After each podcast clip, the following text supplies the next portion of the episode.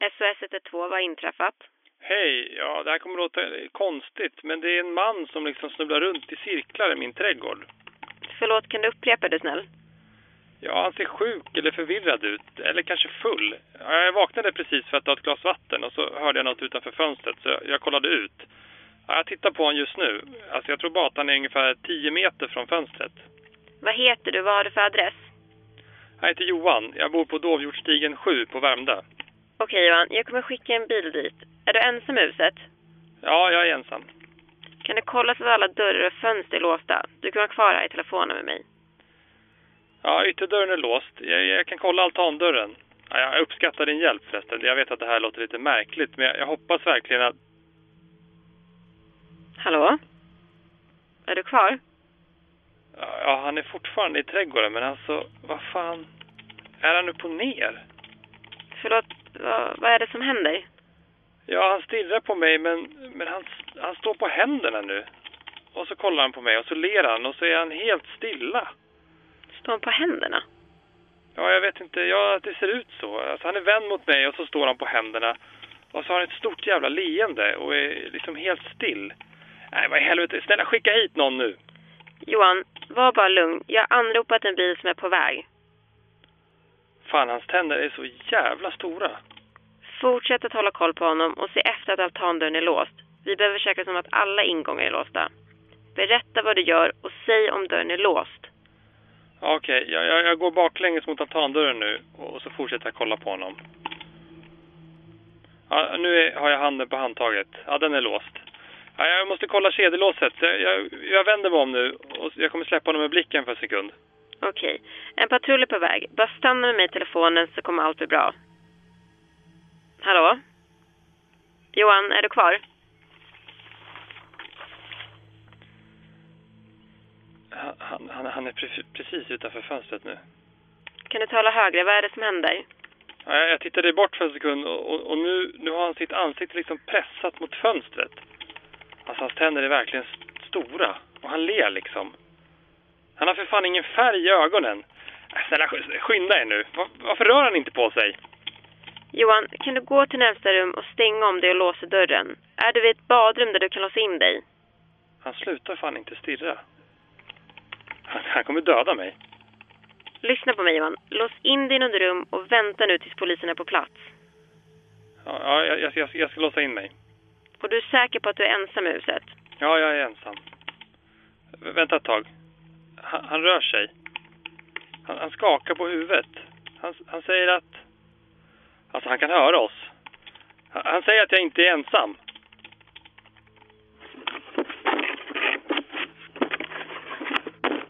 Hallå? Är det okej? Johan? Är du kvar?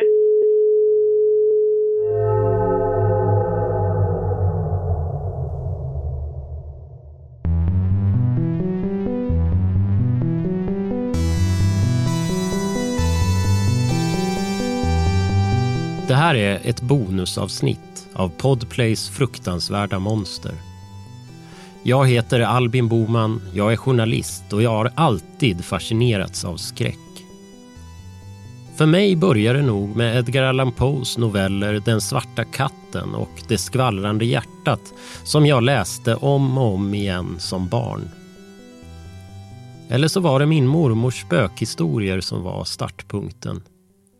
Det var nämligen så att min mormor och morfar bodde alldeles intill Galjeberget, Faluns gamla avrättningsplats. Hundratals människor dödades där mellan 1653 och 1824. De flesta var män, men ett tiotal kvinnor som hade anklagats för häxeri avrättades också där. Och dessa olyckliga människors namn finns inristade i bergets stenhällar så att vi flera sekel senare fortfarande kan gå dit och läsa dem. Det var den enda gravstenen de fick. Kropparna styckades och grävdes ner vid foten av berget. I och med att min mormor och morfars lägenhet låg alldeles intill Galjeberget spökade det såklart i deras lägenhetshus. Min mormor brukade berätta om sin granne som bodde längst ner i byggnaden och som hade sett ett svartklätt tåg vandra rakt genom lägenheten på väg mot Galjeberget.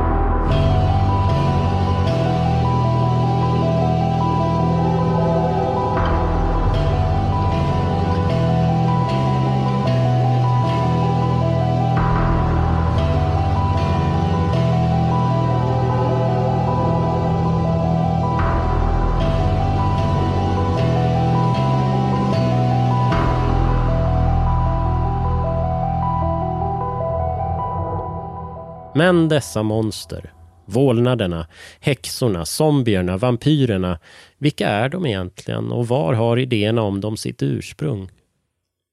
Det finns mängder av påstådda sanningar om dessa skräckfigurer, men hur mycket stämmer egentligen? Det vill jag, tillsammans med min kollega Viktor Meidal söka svar på i den här poddserien. Till vår hjälp kommer vi att ha en lång rad experter. Det kan vara professorer och forskare, men också författare, poddare och andra kulturutövare. För att vi inledningsvis ska få något slags grund att stå på ringer jag upp Bo Eriksson, historiker och monsterforskare vid Stockholms universitet. Jag undrar vad som egentligen kännetecknar ett monster. Ja, själva termen monster är lite knepig för det är latin och det kommer från monstrum och det, det har en betydelse att någonting visar sig som har en mening som vill berätta någonting. Alltså en kalv född med två huvuden var ett monster i det gamla romarriket. Men så ser vi inte på monster idag. Det, det förstår ju var och en att monster har fått en helt annan betydelse. Och idag så menar man att det som kännetecknar ett monster är gräns, kropp och att den är bärare av betydelse, av mening. Och det här med gräns, det är att den markerar gränser, den provocerar gränser, den bryter mot gränser. Det kan vara moraliska gränser, det kan vara geografiska gränser. Och kropp, det tror jag nog att alla förstår att monster är ju kropp. Och som regel är de dessutom stora, otäcka, skrämmande, farliga för människan. Men de kan också ha liksom med kroppen och ja, med människans kropp att göra. Att, att det är monster som finns inuti människan själv. En människa kan bli förvandlad till ett monster. Och, och så man kan säga att det som egentligen hänger kvar, det som kännetecknar ett monster idag och som har funnits i hela den västerländska traditionen ända tillbaka då till, till romarriket, det är ju det här att de är bärare av mening. De har en betydelse. Liksom. De, de, har ett budskap till oss när de dyker upp. Och det budskapet, vad skulle du säga, vad, vad om du kan konkretisera det lite grann? Det budskapet varierar från monster till monster och från epok till epok och kultur till kultur. Så man kan inte säga liksom att det är alltid det här budskapet. Om du tar det, det exempel jag får upp i huvudet just nu är, är till exempel alla zombiefilmer under 1980-talet. Eh, och då menar forskarna att det hängde delvis ihop då med rädslan för aids som fanns under den tiden. Så budskapet var på sätt och vis skydda dig mot aids när man såg alla de här zombiefilmerna. Men, men det var inte så självklart, det är inte så att det står liksom skrivet i zombiernas panna, jag är en symbol för aids. Utan, men, men, men, men publiken drog ju den slutsatsen. Ny säsong av Robinson på TV4 Play. Hetta, storm, hunger. Det har hela tiden varit en kamp. Nu är det blod och tårar. Fan händer just det. det detta är inte okej. Okay. Robinson 2024, nu fucking kör vi. Streama söndag på TV4 Play. Ett poddtips från Podplay. I fallen jag aldrig glömmer djupdyker Hasse Aro i arbetet bakom några av Sveriges mest uppseendeväckande brottsutredningar går vi in med hemlig telefonavlyssning och, och då upplever vi att vi får en total förändring av hans beteende. Vad är det som händer nu? Vem är det som läcker? Och så säger han att jag är kriminell, jag har varit kriminell i hela mitt liv men att mörda ett barn, där går min gräns. Nya säsongen av Fallen jag aldrig glömmer på Podplay. Somliga av monstren vi möter är nyare skapelser Zombier, som vi i det första avsnittet lärde oss härstammar från 1700-talets slavsamhällen i Karibien, eller aliens som är en ännu nyare skapelse. Före rymdteknologin fanns inget behov av utomjordingar. Vi skrämdes inte av rymden på samma sätt. Slenderman, Getmannen och svartögda barn har skapats i internets creepypastor och de speglar vad vi skräms av idag. Vampyren däremot, den har funnits länge. Det är inte bara Bram Stoker och, och Dracula och 1800-talet utan vampyren i betydelsen odöda, eh, blods, inte nödvändigtvis blodsugare, men, men odöda som är farliga och som att man kan förvandlas till en vampyr, det går faktiskt tillbaka till, till antiken så det är ett levande arv. Så att det, det, finns både nya och gamla eh, och odödliga monster som aldrig har försvunnit som till exempel draken. Det, det är ju en av våra äldsta fabeldjur och, och, eh, och skrämmande bästar.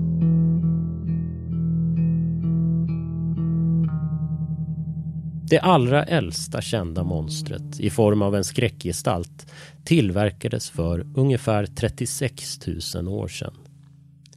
Det är en avbildning av en lejonmänniska, alltså en människokropp med ett lejons huvud. Vad det exakt symboliserar vet man inte riktigt men det antas vara en farlig gudom av något slag. Och det kan man säga är de första monstren egentligen. När vi sen kommer in i, i de första civilisationerna så rör vi oss bland de mytologiska monstren mytologiska bestar som gudarna en gång i tiden har skapat eller att det är gudarna själva som är monstren och de spelar en viktig roll i religionen, i, i mytologierna som en slags kaosmakt som, som man måste tämja eller förstöra för att upprätthålla ordningen och skapa liv och så. Idag så har vi inte den typen av monster utan man går liksom från mytologins stora, jätteuniversella, viktiga, kosmologiska, jordiska monster till mer monster finns bland oss som en vanlig människa.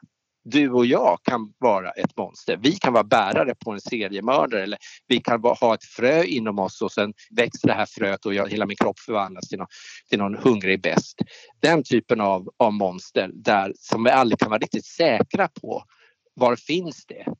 lever jag med ett monster eller när jag föder ett barn, kommer mitt barn bli ett monster?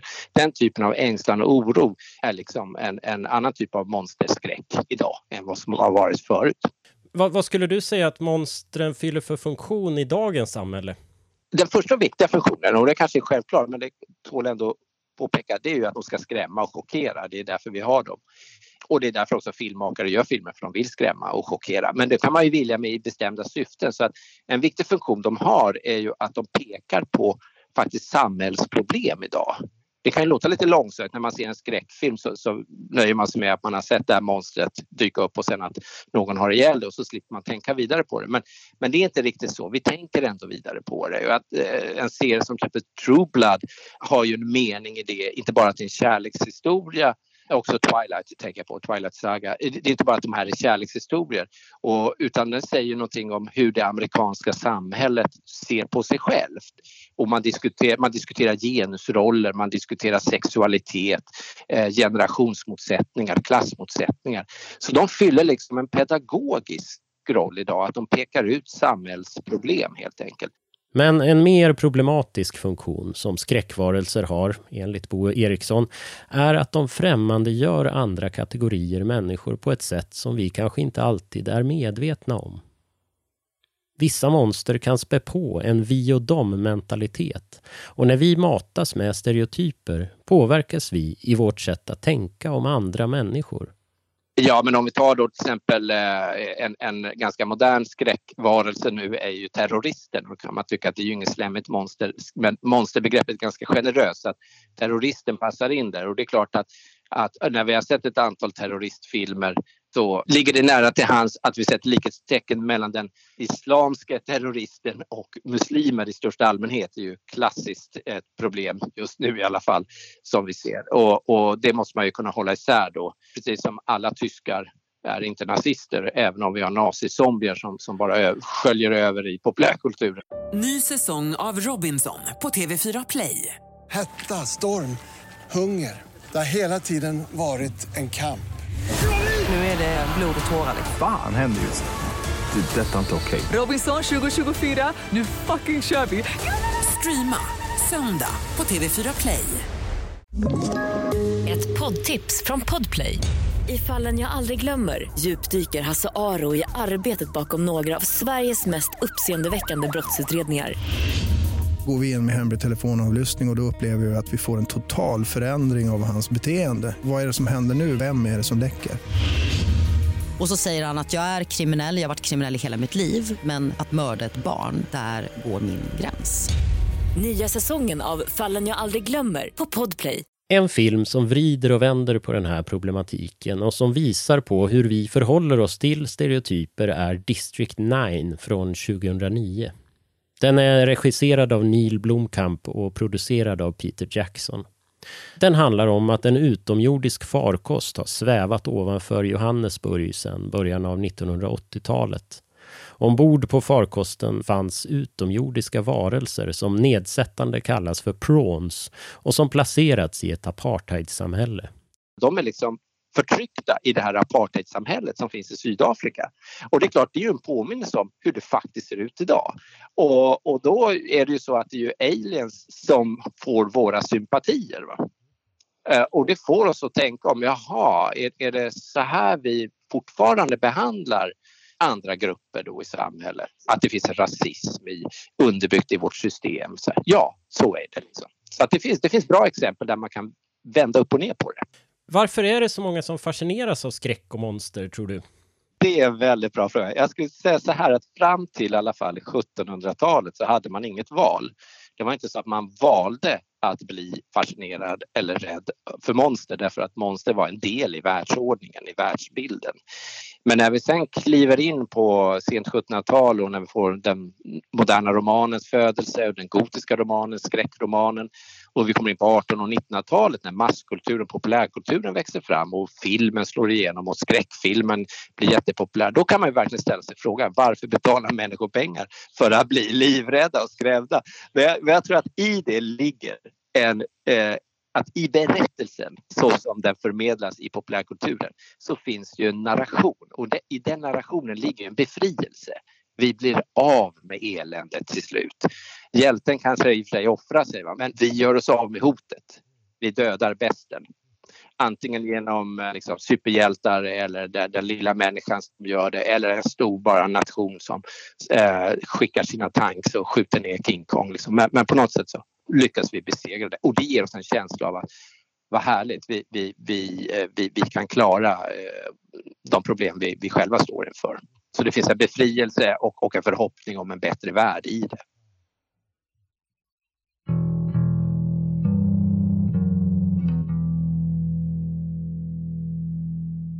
I själva verket har jag kanske alltid haft en dragning till mörkret. Så länge som jag kan minnas har jag tyckt att det funnits något lockande med det okända, det gränsöverskridande och det hänsynslösa. I den här poddserien får jag nu anledning att gräva mig djupare i både monstrens historia och mitt eget sinne. Ärligt talat vet jag inte än var jag hamnar eller vad jag kommer att hitta. Men jag hoppas att ni följer med på den här resan. Om du inte kan få nog av Monster kan du gratis ta del av bonusmaterial som vi släpper i Podplay-appen. Om du vill komma i kontakt med oss finns vi på Instagram under fruktansvarda understreck monster. Tusen tack för att du har lyssnat.